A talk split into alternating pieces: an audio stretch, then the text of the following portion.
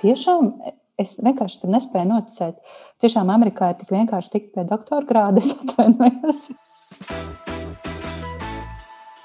Nekad nestrīdējās. Un kur tad viņš to sievu nosita?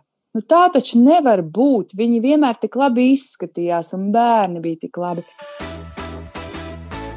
Šomēnes es izlasīju sliktāko grāmatu visā savā dzīvē. Sveicināti raidierakstā, piedzīvot lapuses. Sveicieni februārī. Šis ir februāris, bet mēs šodien runāsim par janvāri. Par visu, kas janvārī piedzīvots, izlasīts un atklāts pavisam jauns vai pārlasīts vecais. Un kā vienmēr, katra mēneša apskatā arī šodien šajā sarunā piedalās Sandra no Instagram atpielasīt sirdi. Un Sandra mums ir astroloģijas un fotografijas eksperte. Čau, Sandra! Čau, Aija! Čau, Zēna un klausītāji! Tu nu gan man samulsināji. Te man vēl vērsīsies par astroloģiju. Kas, kas jauns vispār? Padomu. Kas jauns debesīs? Kas, kas notiek šobrīd? Krīt sniegs. Oh, jā. Vienīgais jaunums. Jā, un sarunā, protams, piedalās arī Zāne. Instagramā zināma kā Mom Who Reads a Lot. Un Zāne mums ir trušu un labo stāstu zinātāja. Čau, Zāne! Čau, Andra, un čau, Aija, un čau, klausītāji! Un, jā, un sarunā piedalos arī es, jūsu padavīgais kalps, Aija no Instagram atpiedzīvot. Paldies visiem raidieraksta patroniem!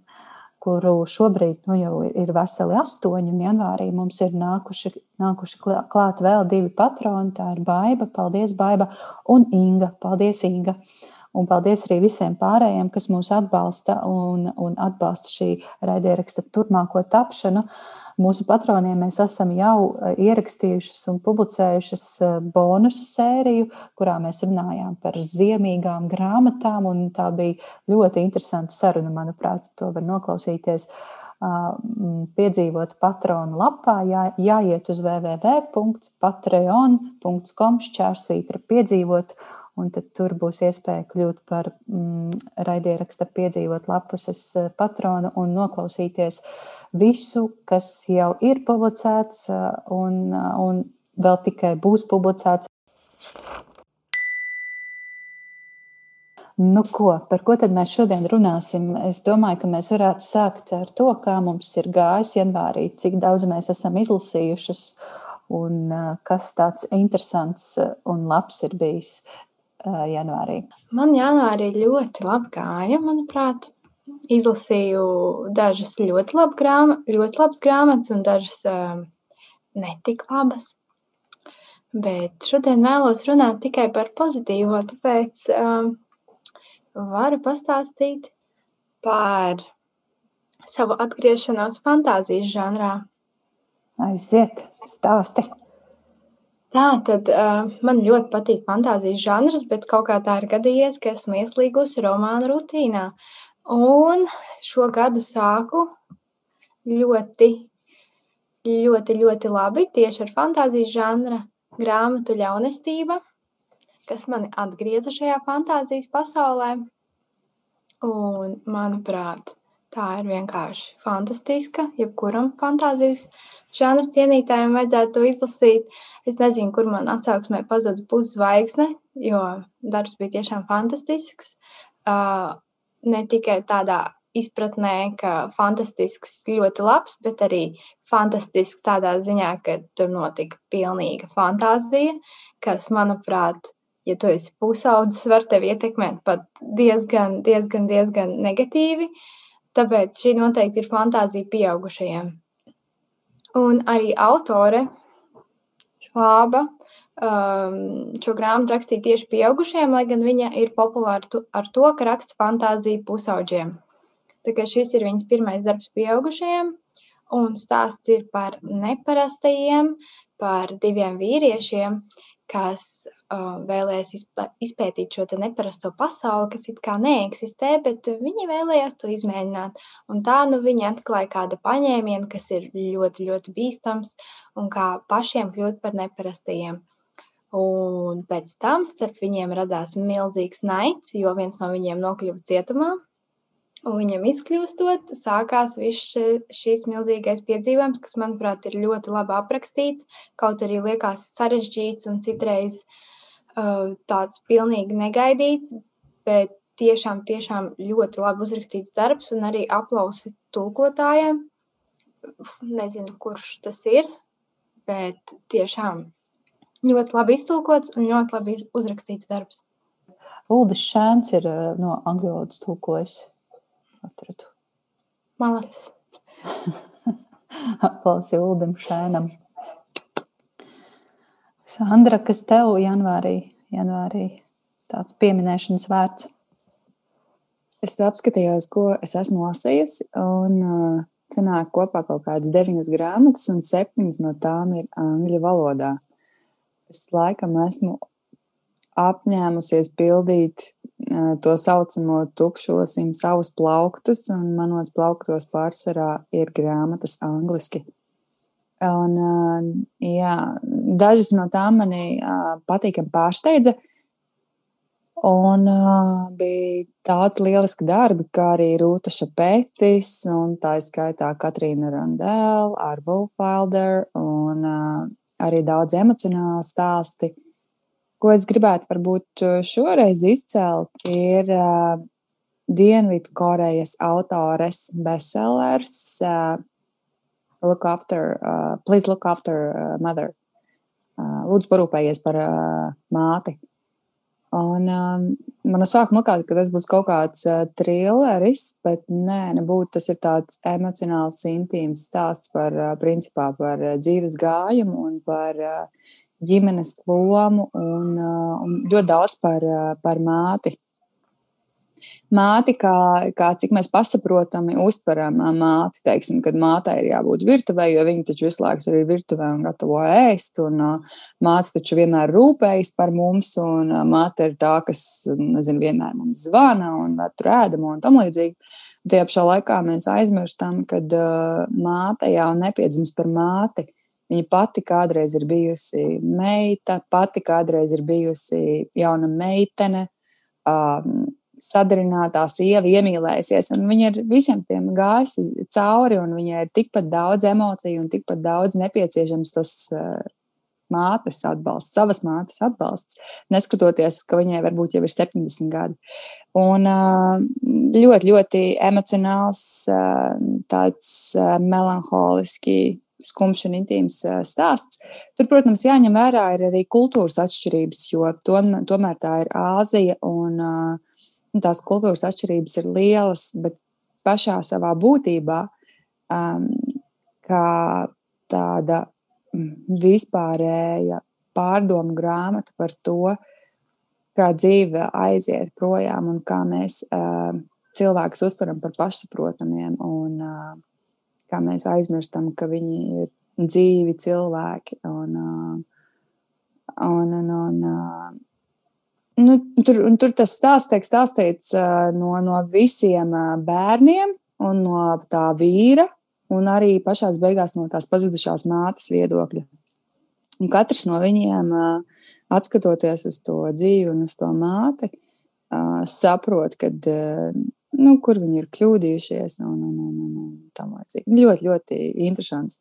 Un interesantais bija tas, kā es par šo grāmatu uzzināju, ka viņa ir izdota lietuviski. Un, Un uh, es biju ievērojusi kādreiz uh, kādā plauktā viņu, un, un man ļoti gribējās izlasīt tā, ka es sameklēju viņu angliski. Un, uh, jā, ļoti interesanta grāmata. Mm. Ļoti. Sandra, man ir jautājums, kas notiek Lietuvā ar grāmatu pārdošanu? Kāda jums tur situācija? Grāmatas tā kā, ir tā, ka grāmatnīcas pašas ir ciet, bet uh, interesanti ir tā, kā Latvijā uh, visu rūpniecības preces aiztaisīt ciet, kas ir drusku komiski, tad Lietuvā tā nav. Tajā pašā maksimā grāmatas var nopirkt. Un tam nav loģika, bet tā tas ir. Un, jā, es arī karantīnas laikā pērku arī grāmatas, pirkus maksimā. Tā ļoti interesanti. Grāmatnīcās nevar, bet uh, lielveikalos var. Jā, jo grāmatnīcas ir ciet. Bet, nu, protams, viss notiek online. Viņiem arī ir uh, liels uh, online tirgotājs. Uh, un arī pirms karantīnas uh, visu varēja arī nopirkt internetā. Un, uh, grāmatas jau tajā, jā, grāmatas, jā. Var nopirkt, bet jā, interesanti ir tas, ka maksimāli visu var nopirkt. Un, uh, nu, ne tikai maksimāli visos uh, lielveikalos, kas ir vaļā, Es domāju, viņiem ir tāds tīkls kā Norfa un Ikija. Tur visur ir grāmatas. Mm. Un, mm. un, un tajos veikalos nekas nav aizliegts. Nu, tur var nopirkt gan pannas, gan uh, apģērbu. Jebko. tas ir ļoti interesanti, bet tā tas ir. Jā, mm -hmm. jā nu mums Latvijā tā situācija ir tāda ļoti dramatiska. Vismaz tā izklausās no, no grāmatas izdevēja puses. Un, un nu, pat arī Jālgavas tipogrāfija publicēja Facebookā nu, grafikus, kurā parādīja, cik strauji ir kritusies grāmatu izdošana tieši latviešu valodā, nu, Latvijas izdevēju grāmatu iespiešana. Un, un, un jā, bez mazliet tiek, tiek sisti trauksmes zvani un, un teikts, ka viss ir ļoti slikti. Ah, jā, nezinu, nezinu. Tas ir viss tik duāli, jo no vienas puses mēs saprotam situāciju un saprotam, ka nu, viss ir ciet, ne tikai grāmatnīcas, bet arī nu, cieši arī, protams, skaistumkopšana un restorāna biznesa un viss, viss. No otras puses, žēl, ka nu, grāmatas tiek noniecinātas salīdzinājumā, piemēram, ar to pašu alkoholu, kuram kuram pārdošanas ierobežojumu nav bijis un droši vien, ka nebūs nekāda. Nu, jā. jā, mm. jo nu, es tajā pašā laikā domāju, ja teiksim, kaut kāda vēl turismas un skaistuma kopšana vēl spējas atkopties, nu, kaut kāda daļa. Tad jāņem vērā, ka grāmatu izdevēji viņi ir tikai uz divām rokām saskaitāmi. Un tur, ja viņi aizvers ciet, tur, tur nav tā, ka ir teiksim, simtiem, un tad, ja, de, ja 20 aizie, aizvarās ciet, tad būs tie pārējie. Tur nav tāda pārējā. Tas ir kraks pilnīgi visam. Viņš ir kā ciet un visam basta. Mm -hmm. Jā. Es, es ik pa laikam domāju, ko, ko darīt, kā būt. Varbūt mums jāveic kāda akcija un jāvēršas augstākās instancēs. Bet, tiešām nezinu, vai, vai vai tam ir kāda jēga, vai, vai tas būtu vajadzīgs. Nu jā, bet par šo, par šo, protams, ir ļoti sāpīgi lasīt, ka tiek aizvērtas grāmatnīcas ciet un, un uh, izdevēji vispār domā, vai, vai viņi izdzīvos. Bet uh, es janvārī lasīju ļoti daudz Ingu Žoludi, gatavojoties sarunai ar šo latviešu rakstnieci, un saruna jau ir publicēta, varat to noklausīties. Uh, Es izlasīju visu, kas vēl nebija izlasīts. Un, jā, bet tas, ko es vēlētos izcelt no šomēnes lasītā, ir Tāras Tvestoveras amerikāņu vēstures doktoras grāmata autobiogrāfija izglītotā, kas ir satricinājusi šobrīd, man liekas, Latvijas lasītājus, un pirms gadiem vairākiem satricinājusi arī Amerikas lasītājus. Un es joprojām domāju par šo grāmatu. Es to izlasīju nedēļas sākumā, šķiet, pabeidzu. Un joprojām domāju un nespēju formulēt savu viedokli līdz galam par šo. Man ir ļoti žēl, ka jūs abas, Zana un Sandra, to vēl neesat lasījušas. Un, līdz ar to mums īsti nevar izveidoties diskusija un kaut kāda viedokļa apmaiņa. Tāpēc es labprāt šo sarunu atliktu uz to laiku, kad jūs būsiet izlasījušas, un jums arī būs priekšstats. Bet, bet tas... Noteikti, noteikti. Tā, ja sarunāsim, jā. kad uztaisīsim šai grāmatai review kopēju. Jā, bet es, tas, ko es vēlos īsumā pateikt, es, protams, nebrīnos, kāpēc šī grāmata ir tik populāra un kāpēc tā ir ļoti augsts novērtējums. No otras puses, es par to nedaudz brīnos. tas, tas ir ļoti, ļoti man, manuprāt, vienkārši cilvēki ir eh, šokā par to stāstu un par to, kas ar, ar šo tāru noticis. Uh, bet uh, es zinu, Sandra, tu esi lasījusi Jātiek vaļā no Edija šo grāmatiņu mazo. Esi? Zana, jā, esi? es esmu lasījusi. Jā, jā, jā, jā. Nu, lūk, un, ja, es nezinu, kā jums bija, bet pēc šīs grāmatas jātiek vaļā no Edija. Man bija tāda ļoti jocīga sajūta, tāda pēcgarša, kad man likās, ka es esmu nu, kā, nu, nu, noskatījusies, ka es esmu bijusi klāt kaut kādai ģimenes iekšējai lietai, kur tiek, nu, tiek mazliet mazgāta ģimenes netīrā vēļa. Un pēc šīs grāmatas izglītotā es jutos mazliet, mazliet līdzīgi, un tas man ļoti mulsināja. Um, man likās, tieši tāpat kā Edijs savā grāmatā šokēja, apsūdzēja savu ģimeni, tad arī te es to jūtu. Varbūt, varbūt kaut kā netik tieši, bet arī es šeit jūtu kaut kādu aizvainojumu, nu, galvenās varonas tāras aizvainojumu pret savu ģimeni, kaut kādu vēlēšanos mazliet atriepties, parādīt, atklāt. Un, un tas, laikam, bija tas, kas man īsti kā, nu, negāja pie sirds. Bet tas ir atkal ļoti, ļoti duāli, jo tieši tāpat kā Edija grāmatā, šī tēma, par ko viņš runāja, homos, homoseksualitāte un kā to pieņem sabiedrība, tā ir ļoti, ļoti jutīga. Mēs saprotam, par, ka par to vajadzētu runāt un ka par to ir nu, jārunā atklāti, nevis jāslēpj un, un, un jāizliekas, ka tas nepastāv. Un tāpat arī šeit, grāmatā izglītotā nu, tā tēma, ģimene un, un fanātiskais reliģisms un kaut kādas sazvērstības teorijas, un ka par to ir jārunā, lai mēs beidzot saprotam, ka tas ir absurdi. Bet tajā pašā laikā ir mazliet nu, nērti par to lasīt, jo tā ir vienas ģimenes, tas ir viens ģimenes stāsts, viens ģimenes iekšējā lieta, es pieņemu, ka katrs šajā ģimenē varētu uzrakstīt savu stāstu, un tas būtu ļoti atšķirīgs, kā jau viss, kā, ko mēs piedzīvojam savā dzīvē. Savā dzīvē katram par to ir savs viedoklis un savs redzējums. Nu, jā. Jā. Man liekas, ka uh, ir māte sarakstījusi arī grāmatu kā pretreakciju.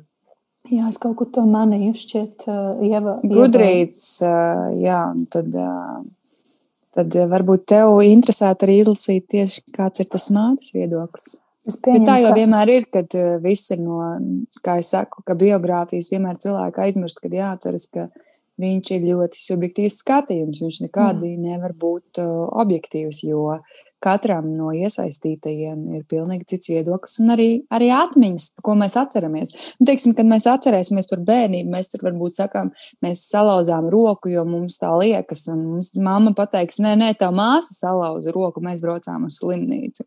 Bet tev tā iekšējā sajūta ir tāda, ka varbūt ar tas noticis ar tevi.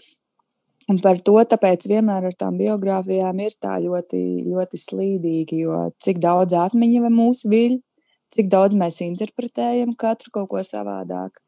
Un uh, pārējie vispār varbūt ir šokā, ka nekas tāds vispār nenotika. Mm -hmm. Jā, jā, un tas, tas arī ir tas, ko Tāra savā grāmatā raksta. Mm, tas ir tāds interesants atkāpšanās ceļš. Es nezinu, vai es to atceros pareizi, bet tad atkal ir viņas dienas grāmatas, kurās viņa to ir ļoti rūpīgi pierakstījusi, visus šos drausmīgos notikumus. Um, Jā, bet izlasiet, izlasiet jūs abas, un izlasiet arī klausītāji, ja vēl neesat lasījuši. Un tie, kas ir lasījuši, droši rakstiet, oponējiet man. Un, un, um, es joprojām gudrīdā, gudrīdā es neesmu novērtējis šo grāmatu. Es esmu atstājusi kādu kā nenovērtētu, jo es, ne, es nezinu, kā to novērtēt. Es nezinu, un vēl man likās vienkārši neticams tas viņas izglītošanās stāsts. Es tiešām Es vienkārši tur nespēju noticēt. Tiešām Amerikā ir tik vienkārši tikt pie doktora grāda, es atvainojos. viņa, viņai vispār nebija nekādas izglītības, un viņa tiek koledžā, un pēc tam universitātē, Hārvardā, Kembridžā, visur viņa tiek. O, jā, tas ir ļoti, vai nu viņa bija ģēnijs, vai arī, vai arī tā šī izglītības sistēma ir pārāk atvērta. Es, es nezinu. Tas ir vienkārši neticams veiksmes stāsts tiešām. Jā. Bet uh, turpināsim šo sarunu tad, kad būsiet izlasījušas. es ceru, ka pārāk daudz jums neatklāju jau nesabojāju kaut kādu lasīšanas prieku. Man tas kaut kādā ziņā, nu, es velku paralēlis ar grāmatu, ko es lasīju. Tā ir um, The Angels Ashes, uh, jeb Angelas pelni. Un tas ir uh, arī autobiogrāfisks stāsts, kur viņš stāsta par savu īrijas bērnību. Un, un, un, protams, tur ir ļoti liels briesmu lietas un tam līdzīgi. Bet ar ko izcēlās arī šī grāmata? Pirmkārt, viņš dabūja Pulicera balvu, bet tajā pašā laikā tā Limerika, kas ir īrijā tā konkrētā vieta, kur viņš ir dzīvojis un kur tie visi notikumi ir notikuši. Visi tie iedzīvotāji, protams, asi vērtā, vērās, vērsās pret viņu, teica, ka tie ir mēli un tur, tur tā nav bijis.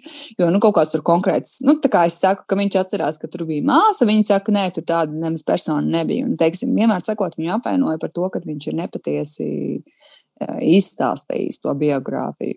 No otras puses, var arī saprast, kad kāds stāsta nezinu, par tavu mīļo pilsētu, ka tur ir tāda un tāda, tev liekas, nu, kā tā drīkst darīt. Bet jāatceras, ka tas, kas notiek iekšā, kā mēs zinām, arī lielākie politiķi citreiz sit savas sievas, un ārpusē citi pārējie saka, kā viņi taču bija tik labi kaimiņi, nekad nestrīdējās. Un kur tad viņš to sievu nosita?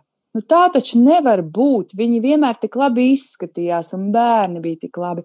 Nu, ka mēs, kā redzam, mēs, mēs, kā mēs vērtējam. Ja?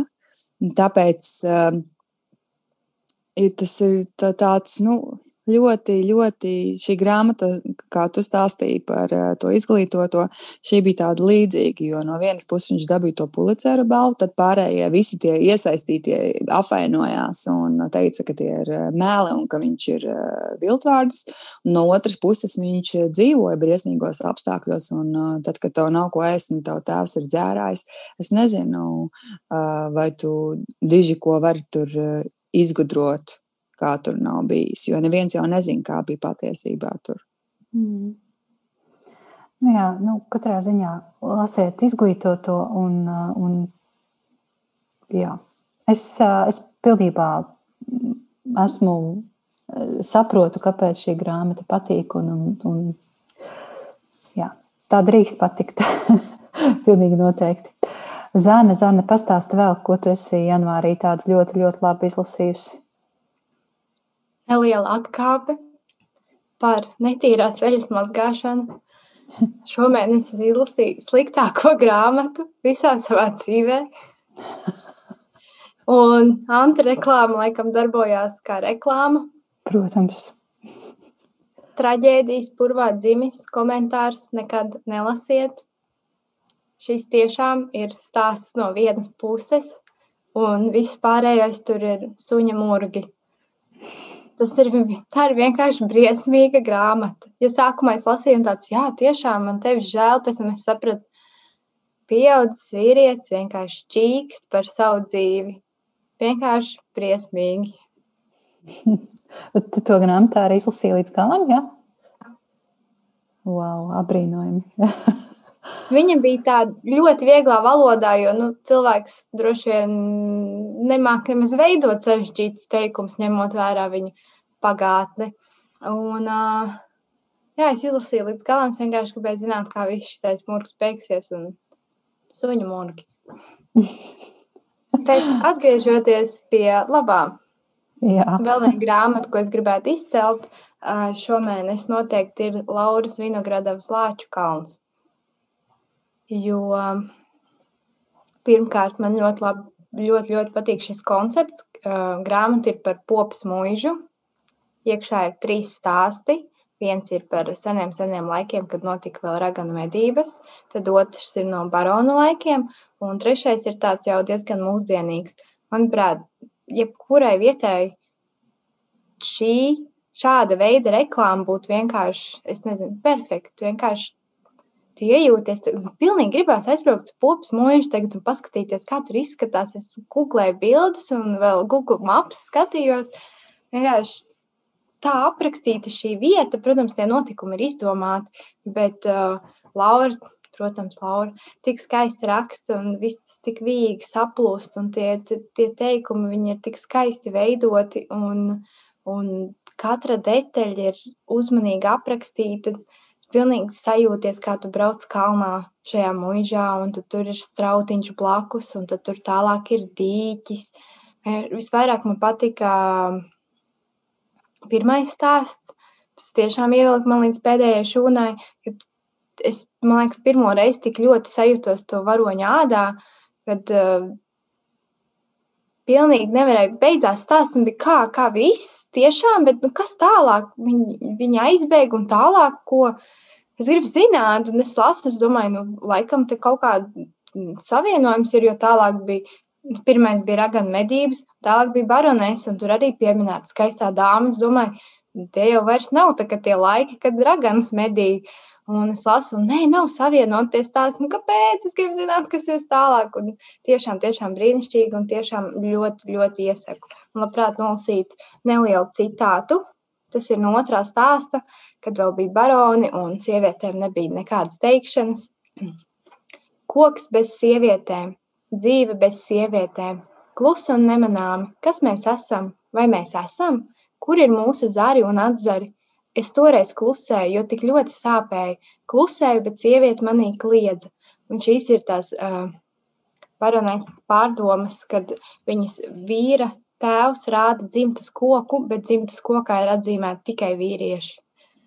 Tiešām izjust un skaisti no sirds iesaku. Mm -hmm. Saprast, ka vēl var iegādāties, ja nav tuvākajās bibliotēkās, pie izdevēja, kas ir man liekas, Pope Love Hope, manuprāt, 8 eiro plus sūtīšanas izmaksas. Es noteikti arī pasūtīšu, kaut esmu jau izlasījusi. Bet jā, tas ir jauns kaut kas, vai tas ir jau sa Nē, sens izdevums? Tas ir viņas, manuprāt, pirmais. Mm. Nu, es negribu kļūdīties, jo nu, viņa pati man stāstīja, kad mēs runājām intervijā, uh, kad uh, kaut kas ir uzrakstīts sen, bet izdots tikai nesen, un man jau visi tie, tie laiki galvā jau ir sajukuši. Mm -hmm. Skaidrs, skaidrs.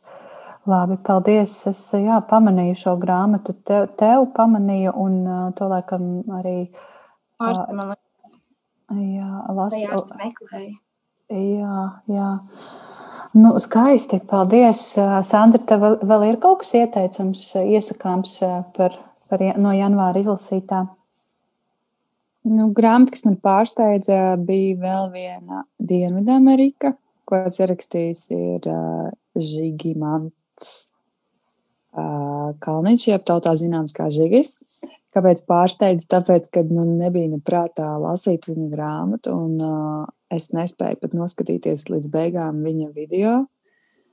Jo es vienkārši, es vienkārši man gribas vai nu pretī strīdēties, vai vienkārši teikt, šo manas ausis vienkārši novīst klausoties. Bet uh, meitene, ar kuru mēs esam pasākuši mainīties grāmatām, teica, ka nē, ir jāizlasa. Es saku, bet es negribu lasīt muļķības, kas rupjā valodā tiek sarakstītas. Viņa teica, nē, tā nebūtu nav. Nu, labi, un tā kā man to grāmatu atsūtīja, tad es domāju, nu, došu iespēju viņai man ļoti pārsteidz, jo es tiešām vietām ļoti skaļi smējos. Tad bija tā, ka man dēls atnāk un redz, ka es smējos, un viņš arī sāk smieties. Tad es smējos, tāpēc, ka viņš smējas. Tad mēs tur abi sēžam pie grāmatas un smējamies, katrs par, par savu smējumu. Bija, protams, vietas, kur uh, man smiekli nenāca, jo tas bija likās, drusku par daudz. Un uh, bija vietas, kur es domāju, ka uh, šādus vārdus mana leksika nepazīst, un es vispār nesaprotu, ar ko tas ir domāts. Bet uh, man pārsteidza viņš kā cilvēks, cik ļoti viņam patīk muzeji. Uh, cik patiesībā viņš ir nu, vairāk tāds liels runātājs un tautas klauna izklaidētājs, kā patiesībā viņš ir nu, ģimenes cilvēks, ar, kuram patīk skaisti dabas skati un kurš ir sajūsmā par tām lietām un, un, un, un vietām, un ka tā ceļošana ir viņa milzīgā, milzīgā kaislība. Un, un viņš ir gatavs visu laiku nēst, lai varētu, nezinu, teiksim, to naudu, kas ietaupīta ēšanai, nezinu, aiziet kaut kur aizbraukt kādā, kādā uz kādu objektu vai ieeju samaksāt. Un, jā, man katrā ziņā pārsteidz, jo es nekad nebiju lasījis ceļojuma grāmatu, kas ir tik smieklīga. Jo viņš vienkārši likās kā lielais lemps, un viņš arī pats par sevi jokojas. Viņš visu laiku uztver to, ka viņi tur tādi maziņi, un viņš ir liels, un viņam tur nekas nedara, un viņš tur nevar iesprāgties, un viņam tas deguns ir liels, un tad viņam tur visādi bērni nāk bakstīt klāt. Un, un, protams, to, ko viņš izdomā savā galvā, ir dažkārt viņš tur grib visus nožmiegt un aizsūtīt trīs mājas tālāk, bet nu, to viņš saka domās, kā mēs zinām īsti kauties jau viņš neiet, un, un viņš ir tikai liels, liels runātājs. Bet, nu, jā, man tiešām, es, es, es izlasīju to grāmatu, un tad es domāju, ka viņš ir tāds viens liels fenomens Latvijā, jo, jo nu, ar to visu viņš ir savācis sev to fanu pulku, un, un viņš ir tik liels. Redz, viņam nav pat neviens izdevējs. Viņš izdod grāmatu, un, un tad viņa grāmatas izpērk pāris mēnešos, un viņas vairs nekur nevar nopirkt. Un citi pat pērk grāmatas, lai vēlāk viņas pārdotu par dārgāku naudu. Un tā arī viņi raksta formos, ka viņi ir iegādājušies tās vairākas grāmatas. Viņi zina, ka tās iepriekšējās nevarēja dabūt, un viņi, viņi mēģina Es nezinu, cik daudz viņi tur var uz to nopelnīt. Nav jau tā, ka pa simtiem viņas pārdod. Bet, eh, bet jā, katrā ziņā tā auditorija ir interesanta. Un ko es saku? Ja viņš kaut vienu cilvēku ir uh, pielicis pie lasīšanas, pat ja tā ir viņa grāmata, tas ir, tas ir lieliski. Jo tajās grāmatās jau viņš stāsta, ka vajag ceļot, ka vajag redzēt to kultūru un ka vajag izkāpt no sevis ārā un uh, ēst vietējās vietās, uh, gulēt arī vislētākajās vietās. Nu, viņš, viņš katrā ziņā pavisam, pavisam vienkārši ceļo. Un es domāju, tas ir lieliski. Un es viņam arī rakstīju, ka uh, viņa fani ir vairāk tie Facebook komentētāji. Mēs zinām, es saku, viņiem, viņam vajag arī pateikt, lai viņi arī gudrīdā kaut ko ierakstu, jo gudrībā tur neviens atsauksmes nav. Jo tas ir interesanti, jo nu, tāpēc, ka drīzāk, kad arī viņa cita grāmatas nemaz nelasa.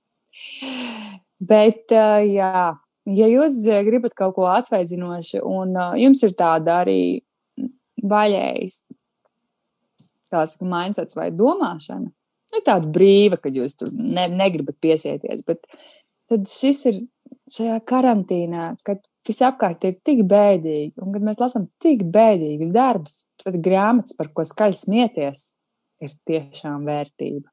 Tiešām. Urā, urā, urā! Cik labi! Es arī nesen tava ierakstu iespējā iesaku, piesakoju Žigim Instagramā. Es nezināju, ka viņam ir Instagrams un viņam ir tik daudz sekotāju. Nu, ne anormāli daudz, bet ir diezgan daudz. Un, un es, es biju pārsteigta, ka viņš tieši šobrīd ceļo uh, Viņš ir Āfrikā, laikam, Tanzānijā, manuprāt, vai nē, vai es kaut ko jaucu. Un, un jā, tur, tur, protams, ir viņa video ar, ar visu tevis pieminēto leksiku, bet viņa atvērtais prāts un tas, kā viņš tver dzīvi, tā vienkārši un nesamāksloti, tā, protams, ir tā lielā vērtība. Tā, tā kā man ir, tā kā, tā kā es esmu atradusi dzirdīgas ausis, tad es ātri, aši, pavisam aši vēlos pastāstīt par diviem seriāliem. Nevis grāmatām, bet diviem seriāliem. Bet sevis attaisnošanai šie abi seriāli ir uh, balstīti, to, to pamatā ir literārs darbs, tā kā es gandrīz ierakstu šajā, šajā tēmā un šajā raidierakstā. Numur viens, ko es, par kuru vēlos pastāstīt un noteikti iesaku noskatīties, ir šie abi ir Netflix seriāli, atrodami Netflixā. Tātad numur viens ir Grand Army, kas ir seriāls par jauniešiem, un droši vien, ka tā auditorija vairāk ir jaunieši, bet es noteikti, noteikti iesaku īstenībā ikvienam šo noskatīties. Un šī seriāla pamatā ir Keitijas Kapello Luga Slat The Play. Tātad slat tulkojumā varētu būt padauza, nu tā pieklājīgā valodā runājot. Un šī te luga runā par ļoti, ļoti aktuālo tēmu, ko angļu valodā sauc par slut shaming. Es nezinu, kā to latviešu pareizi būtu tulkot. Tātad par to, par šo te um, nu, sarežģīto. It kā sarežģīto jautājumu, kurā brīdī tad uh, izvarošana ir uh, meitenes pašas uh, vaina, jo viņa redz, ir uzvedusies tā, kā viņa ir uzvedusies, ka viņa tur ir uzvilkusi īsus svārkus, vai viņa bijusi pārāk izaicinoša. Un šī slatšēminga kultūra ir ļoti, ļoti izplatīta īpaši jauniešu vidū, īpaši šobrīd, kad ir sociālie tīkli. Un šī kaunināšana par izskatu, par to, kā tu uzvedies, ir, nu, nu, tas noteikti nepārtraukti. Nu, lūk, šī lūga ir pamatā seriālam Grand Army, kas ir par jauniešiem, kas mācās publiskajā skolā Brooklynā. Un, centrā ir 16-gadīgā Džāna un viņas trīs draugi, puiši. Un, nu, jā, seriāls ir ārkārtīgi emocionāli, emocionāli precīzs un spēcīgs un runā par, ne tikai par izvarošanu un, un seksuālo vardarbību, bet arī par šobrīd tik aktuālo Black Lives Matter tēmu, par identitāti, par savas vietas meklēšanu, par seksualitāti, par to, kas tieši šodien jauniešu dzīvēs reāli notiek, un arī, protams, par sociālajiem tīkliem, cik eh, šie sociālie tīkli visu padara vēl jutīgāku, vēl sarežģītāku. Es noteikti, noteikti iesaku šo seriālu Grand Army. Netflixā meklējiet un noskatieties. Un otrs, otra cukuru konfekte, pilnīgi pretējs šim iepriekš minētajam seriālam, ir Bridgerton. Uh, kas, manuprāt, ir ļoti liels hits šobrīd visur, un, un, un par to runā visi un skatās visi. Un, ja vēl neesat redzējuši, tad es iesaku.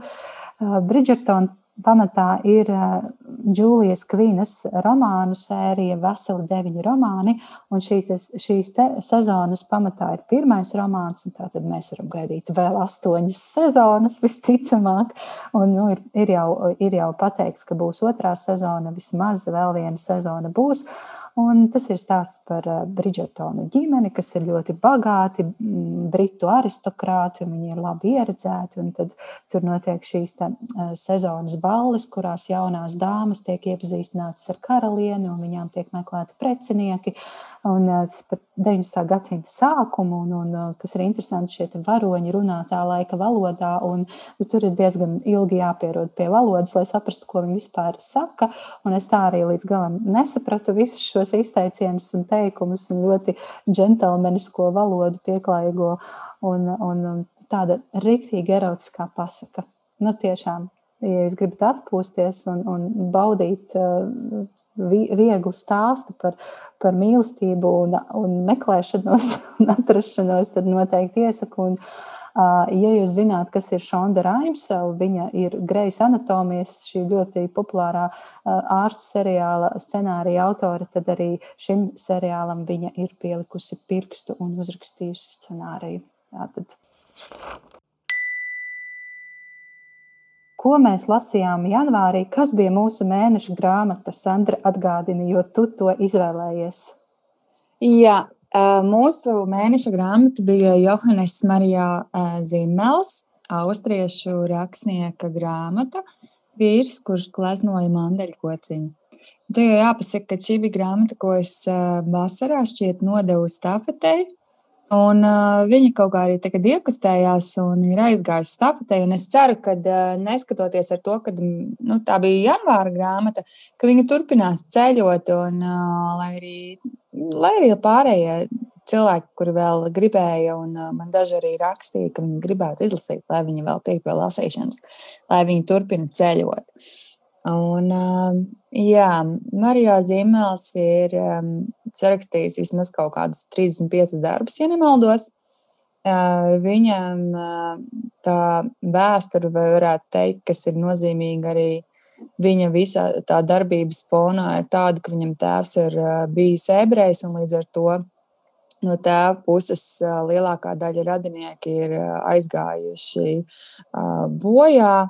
Un, uh, sākumā tēvs bēgot projām no Austrijas un uh, no mm, visa Hitlera uh, vadītajiem uzbrukumiem ebrejiem, devās uz Angliju. Un, uh, savā ziņā tur arī viņš ieguva kaut kādu izglītību. Un, un, un, un, sākumā viņš ir vispār citu karjeru uzsācis. Viņš ir bijis ķīmijas inženieris, un tikai vēlāk viņš sāka rakstīt un arī tulkot dažādus darbus un strādāju par žurnālistu. Un, un, un, katrā ziņā es teiktu, ka zīmols ir pazīstams kaut kādai mūsu mammu paudzei kad tās grāmatas tika arī tulkotas. Un tad kaut kādā ziņā, es domāju, neveiksmīgu dizainu un vāku dēļ viņas arī ir tur palikušas, jo mēs un nu, tagadējā jaunie lasītāji tādus nelasa, jo, jo viņus atgrūž nezinu, kāpēc vāki. Es nevaru teikt, ka nezinu, kāpēc. Es zinu, kāpēc viņas atgrūž vāki, jo tas kaut kādā ziņā asociējas ar kaut kādiem kā stereotipiski saka, sieviešu romāniem. Tad, tad cilvēki saka, nu, kur tad šitādi tajā nekā nevar būt. Bet patiesībā nē, redz tā kā viņam ir saistīts ar ebrejiem un kara tēmu. Viņam arī daudzi darbi ir daļi grafiski, un līdz ar to patiesībā viņam ir ļoti spēcīgi tie darbi. Un, Bet tā kā viņi lielākoties latviešu tulkotie darbi ir pamatīgi, pamatīgi blāķi, tādi, no kuriem cilvēki arī baidās, tad es domāju, ka tas zim, zima mandeļa kociņš, viņš bija tāds tā kā āķis, kuru uzmest, un ja nu tev patīk, kā viņš raksta, un ja nu tev tā ievelk, tā viņa tā domāšana, tad es, starp citu, vairāk cilvēki to arī teica, ka, wow, tagad es gribu kaut ko izlasīt vēl no zīmola, un es pati īstenībā gribētu vēl kaut ko izlasīt. Ehm, ne tikai cilvēks ehm, atbild zina tikai vējš, bet arī vēl kādu citu darbu, jo es domāju, ka viņš ir tāds labi aizmirsts eh, dārgakmens, ko varētu uzcelt atkal augšā. Katrā ziņā viņš ir ievērības cienīgs. Un kāpēc šī mazā grāmatiņa? Nu, viņa man mājās stāvēja daudz gadus, un man viņa kaut kādā savā ziņā es viņu lasīju kaut kādus 16, 18 gadus atpakaļ. Un pārsteidz tādu, ka es jutos vienkārši apčakarēt. Man liekas, ka autors ir vienkārši man paņēmis apčakarējis, ka es esmu galvenā varone, kur ir jutusi līdzi vispārējā, un tad viņš savā tvistā Un pagriezienā vienkārši ir mani apčakarējis. Es negribu neko stāstīt, jo nu, šeit par daudz var kaut ko atklāt saturiskā ziņā, bet katrā ziņā viņa ir pārdomu rosinoša grāmata. Mm -hmm. Es nezinu, kā jums pastāstiet. Es gribēju ātri pieminēt un piekrist tam, ko tu teici par Zimela grāmatu vākiem to grāmatu vākiem, kas ir izdotas latviešu valodā.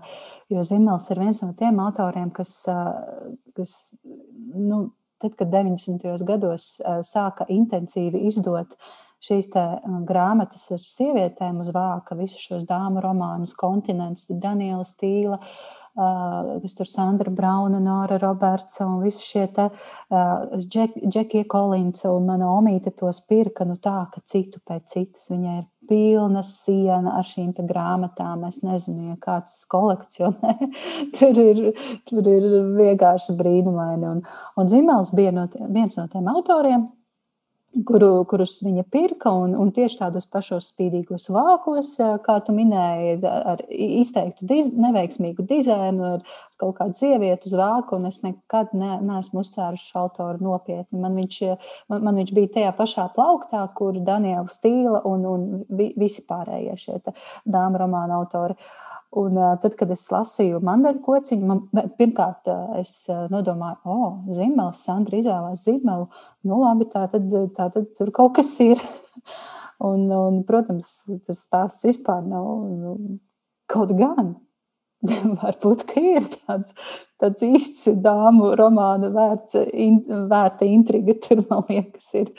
Uh, bet jā, nu, tas bija kaut kas pilnīgi cits nekā, nekā, nekā manos priekšstatos bērnības, jaunības. Pilnīgi noteikti. Zēne, ko tu vari teikt? Tā kā es nekad neesmu lasījusi, man liekas, nevienu no šiem tevis pieminētajiem autoriem.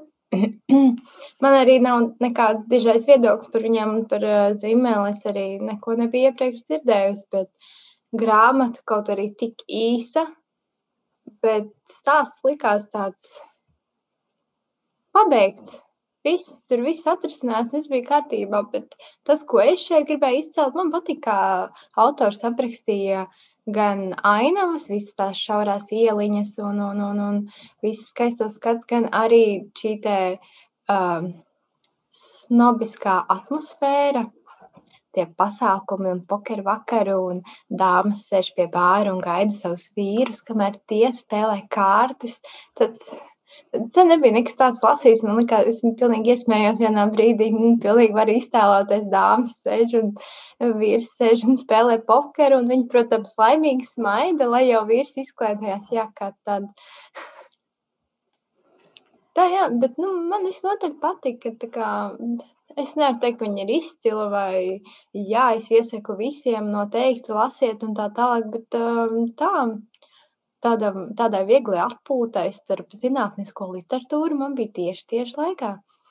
Ja mēs mēģinātu iezīmēt sižeta līniju tā, lai neatklātu pārāk daudz, tad tas ir stāsts par vīrieti, kas vilcienā satiek sievieti, kas savukārt brauc pie sava mīļākā, par kuru jau sen ir sapņojusi, viņa viņu satikusi kaut kad sen pagātnē, un, un iemīlējusies, un tagad viņa beidzot ir, laikam, ja es pareizi atceros, viņa beidzot ir brīva, viņai ir mīris vīrs, un tad viņa nu, ir gatava atdoties šim mīļākajam, ar kuru viņa ir sarakstījusies, un kurš viņai ir sūtījis šos zīmējumus, ja es pareizi atceros.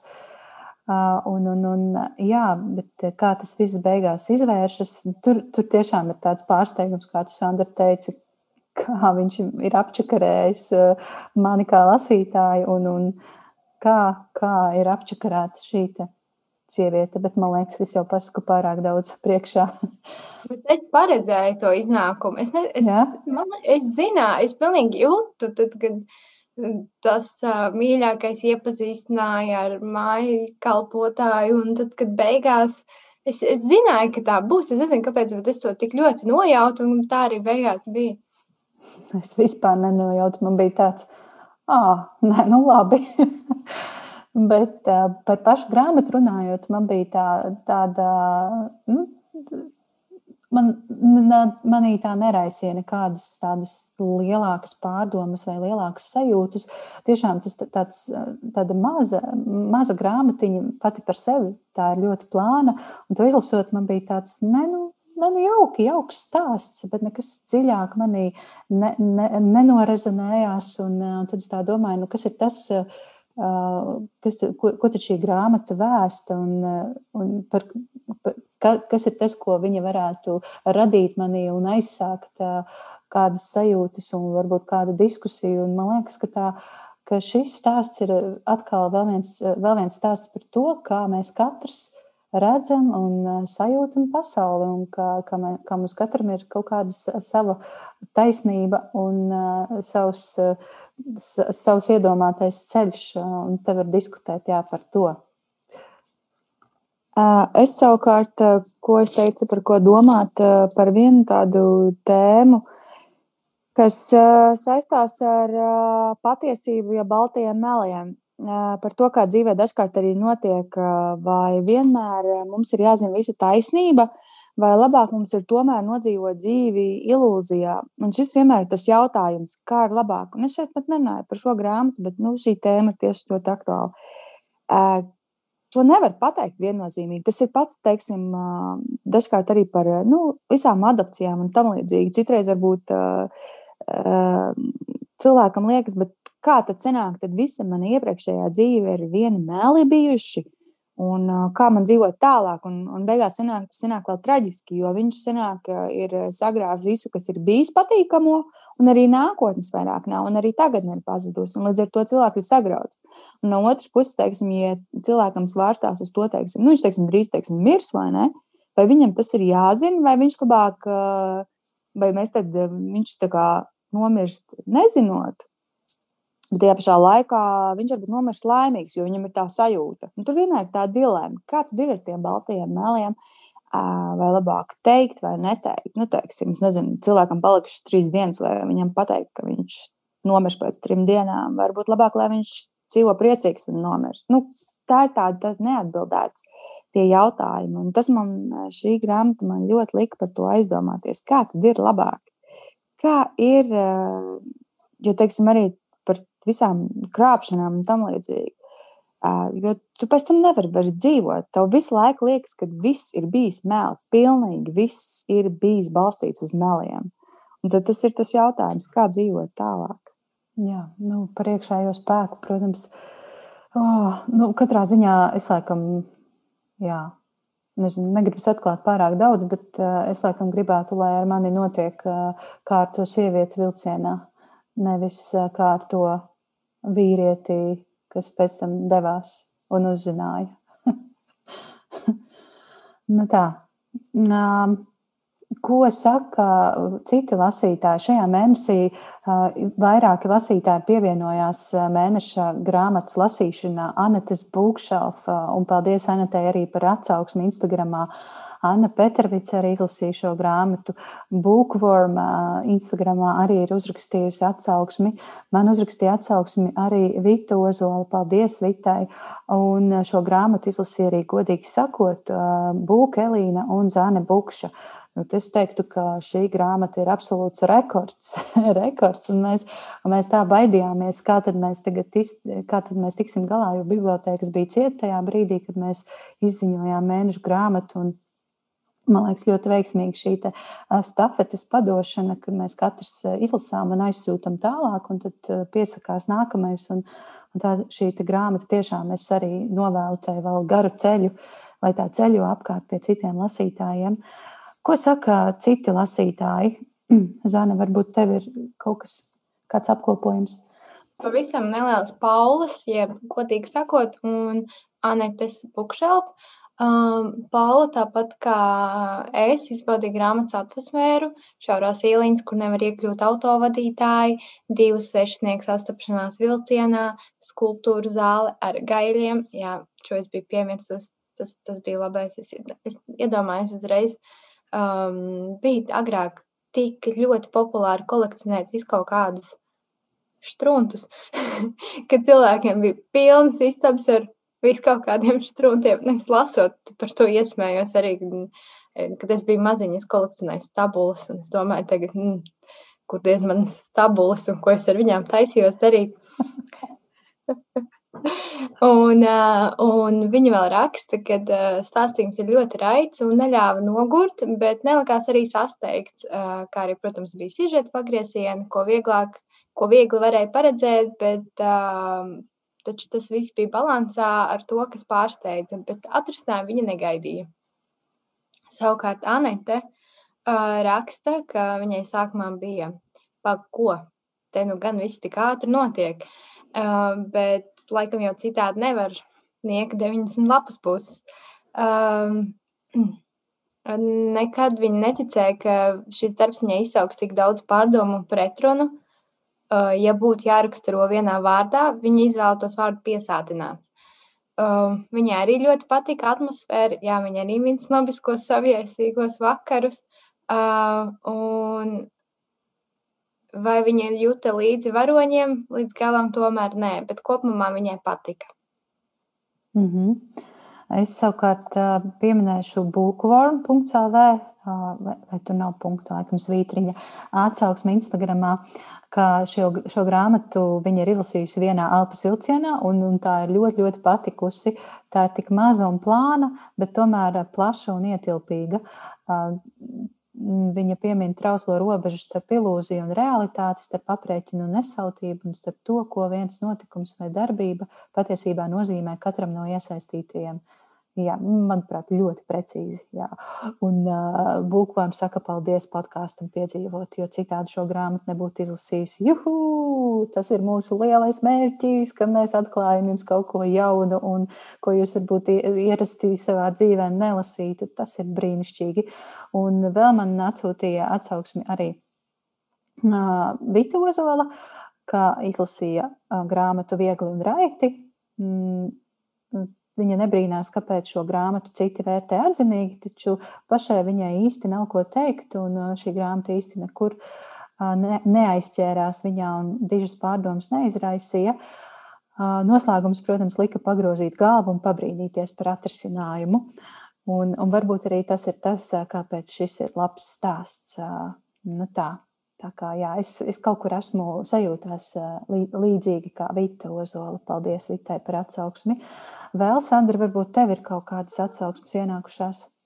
Jā, man uzrakstīja Elīna, un viņa teica, ka, ir, ka beigas ir ļoti pārsteidzošas un neparedzamas bijušas. Un uh, viņai prieks, ka tik plānā grāmatā ir iespējams tik da, paveikt tik daudz, un ka viņa labprāt izlasītu vēl kaut ko no paša zīmela.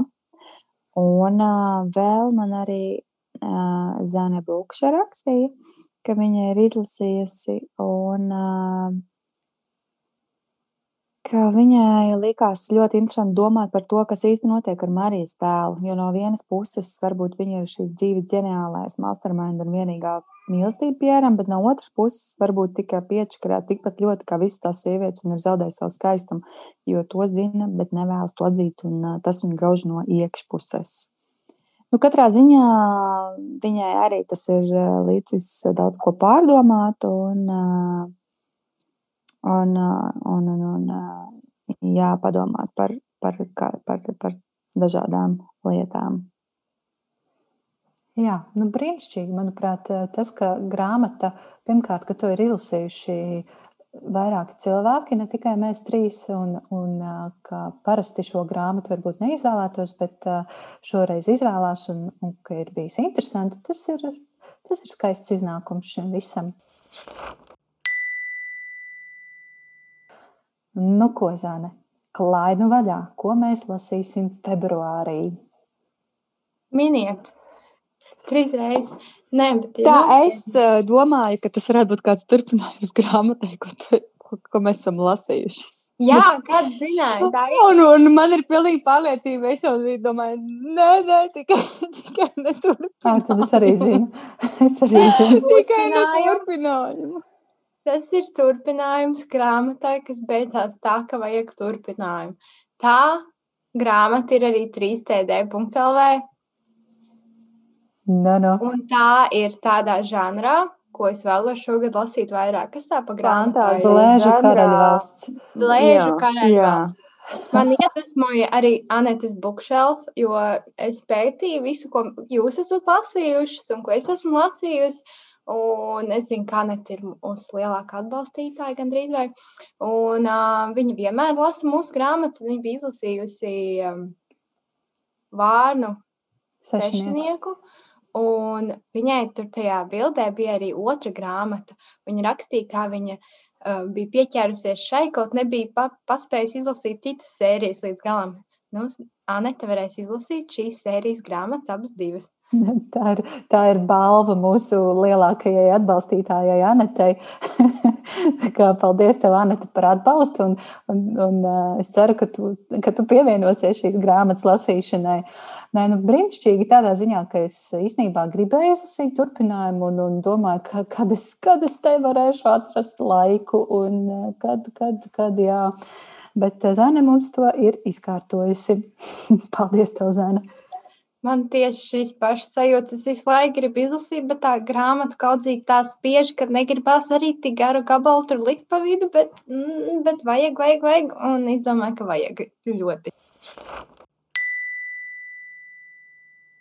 Ko mēs, ko, kas jums vēl ir februāra lasīšanas plānā? Es īstenībā šodien ir, tad, kad mēs ierakstām, ir 30. janvāris, un es vēl vēlos paspēt izlasīt šo te Tas ir Andris Kalnozols ar kalendāru. Kalendāru, kurš visus sauc un sasauc tā, ka es neesmu izlasījis nevienu sliktu atsauksmi par šo grāmatu, kas mani īstenībā ļoti satrauc un, un uh, man, man bail, ka kā, kā, kā, kā es to uztveršu. Bet uh, es domāju, gan jau, ka būs labi. Katrā ziņā es lasīšu ar ļoti, ļoti, ļoti lielu interesi. Un tad mans plāns ir ķerties klāt nenormāli garam studiju grāmatu sarakstam. Un mums šajā otrajā semestrī ir postmodernisma literatūra. Un tur ir daudz lasāmā, teiksim tā. Ah, un, un, ja kāds vēlas uh, 2. februārī, es aicinu visus pievienoties Džeimsa Joisa Ulis maratonam, kurš sākas 2. februārī Joisa dzimšanas dienā un, un pēc 18 nedēļām, kas tas bija kaut kāds jūnijas, kad ir Bloomsday īrijā, tad, tad, tad tas arī noslēdzas. Un, un katru nedēļu izlasa vienu nodaļu. Un to organizē viens krievu blogeris, un viņam būs gan YouTube video, gan, gan podkāstos noklausāms, noklausāms saruna, kurā tiek apspriesta šī viena nodaļa. Iedziļināties tajā var un, un saprast to. Un, Sandra, Sandra, es redzu tavas acis. Nē, tiešām, man liekas, tas tik interesanti lasīt pašam, jā, un, un turklāt tas ir diezgan liels izaicinājums, bet tad, kad to palīdz vēl izprast, tas, man liekas, ir ļoti, ļoti interesanti, un es mēģināšu, es nezinu, cik es tālu tikšu, bet es mēģināšu šo, šo maratonu uh, veikt. Tā, dāmas, pastāstiet jūs, jūs, ko jūs lasīsiet februārī kas jums ir uz plaukta? Es nezinu, es grāmatas vienkārši es pieeju pie plaukta, es paņemu, pašķirstu un pēc gara stāvokļa izvēlos. Ieliec, Pašlaik esmu. Ieliec kaut, kā, kaut kur savu bildi, cik liels ir, nu, cik daudz tas klāsts ir liels, lai es apmēram vizualizēju, pie kāda milzīga plaukta tu pieeji, pie kādas grāmatas kaudzes. Man šeit ir tik atvestas konkrētas, varbūt kaut kādas 60 grāmatas, Bet tā vispār ir, ir vairākās vietās, man ir grāmatas stāv.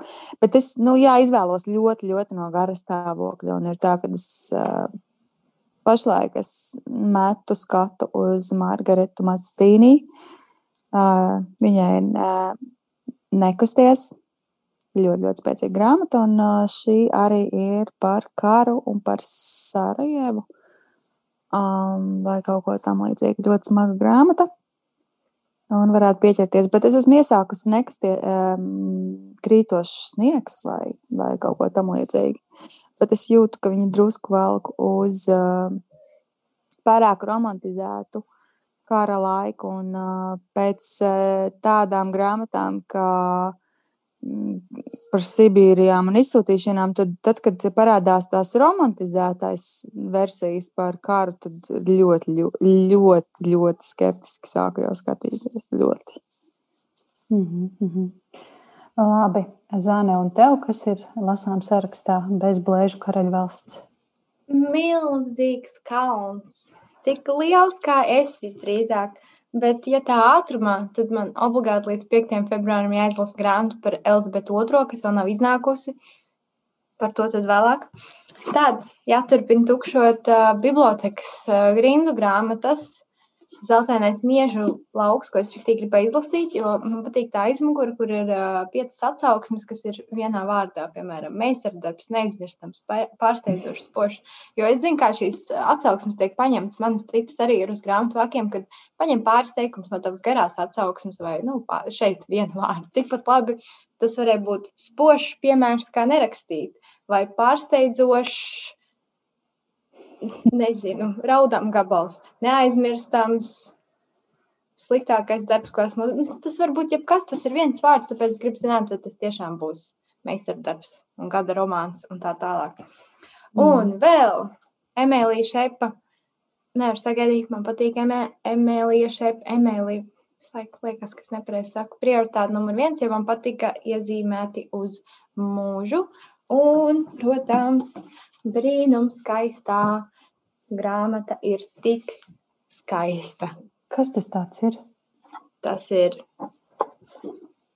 sievietes iniciācijas ceļš ar Inīnini. Ah, jā, jā, Inīnini, tā mūsu latviešu šāmana. Skaidrs, skaidrs. Un es iegāju bibliotekā, un tur ir jaunuma plaukts, un es trīs reizes gāju garām viņai. Viņa tur stāv, un neviens neņem.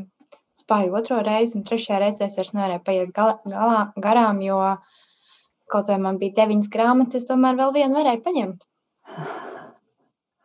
Jā, man, man interesē, kas, kas, kas tur ir tajā grāmatā. Un, kā tu teici, sievietes iniciācijas ceļš? Jā, jā. tāds jā. skaists melns laps ir.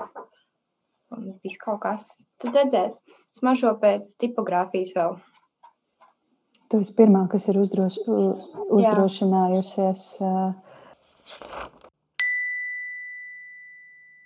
Paldies, paldies, mīļie klausītāji, ka noklausījāties šo janvāra sarunu. Mēs noteikti tiksimies februārī vai martā jau.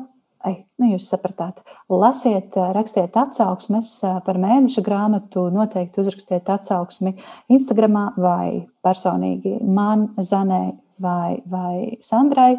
Drīkstat rakstīt arī e-pastā piedzīvot at gmail.com un lai jums brīnišķīgs ziemas noslēgums.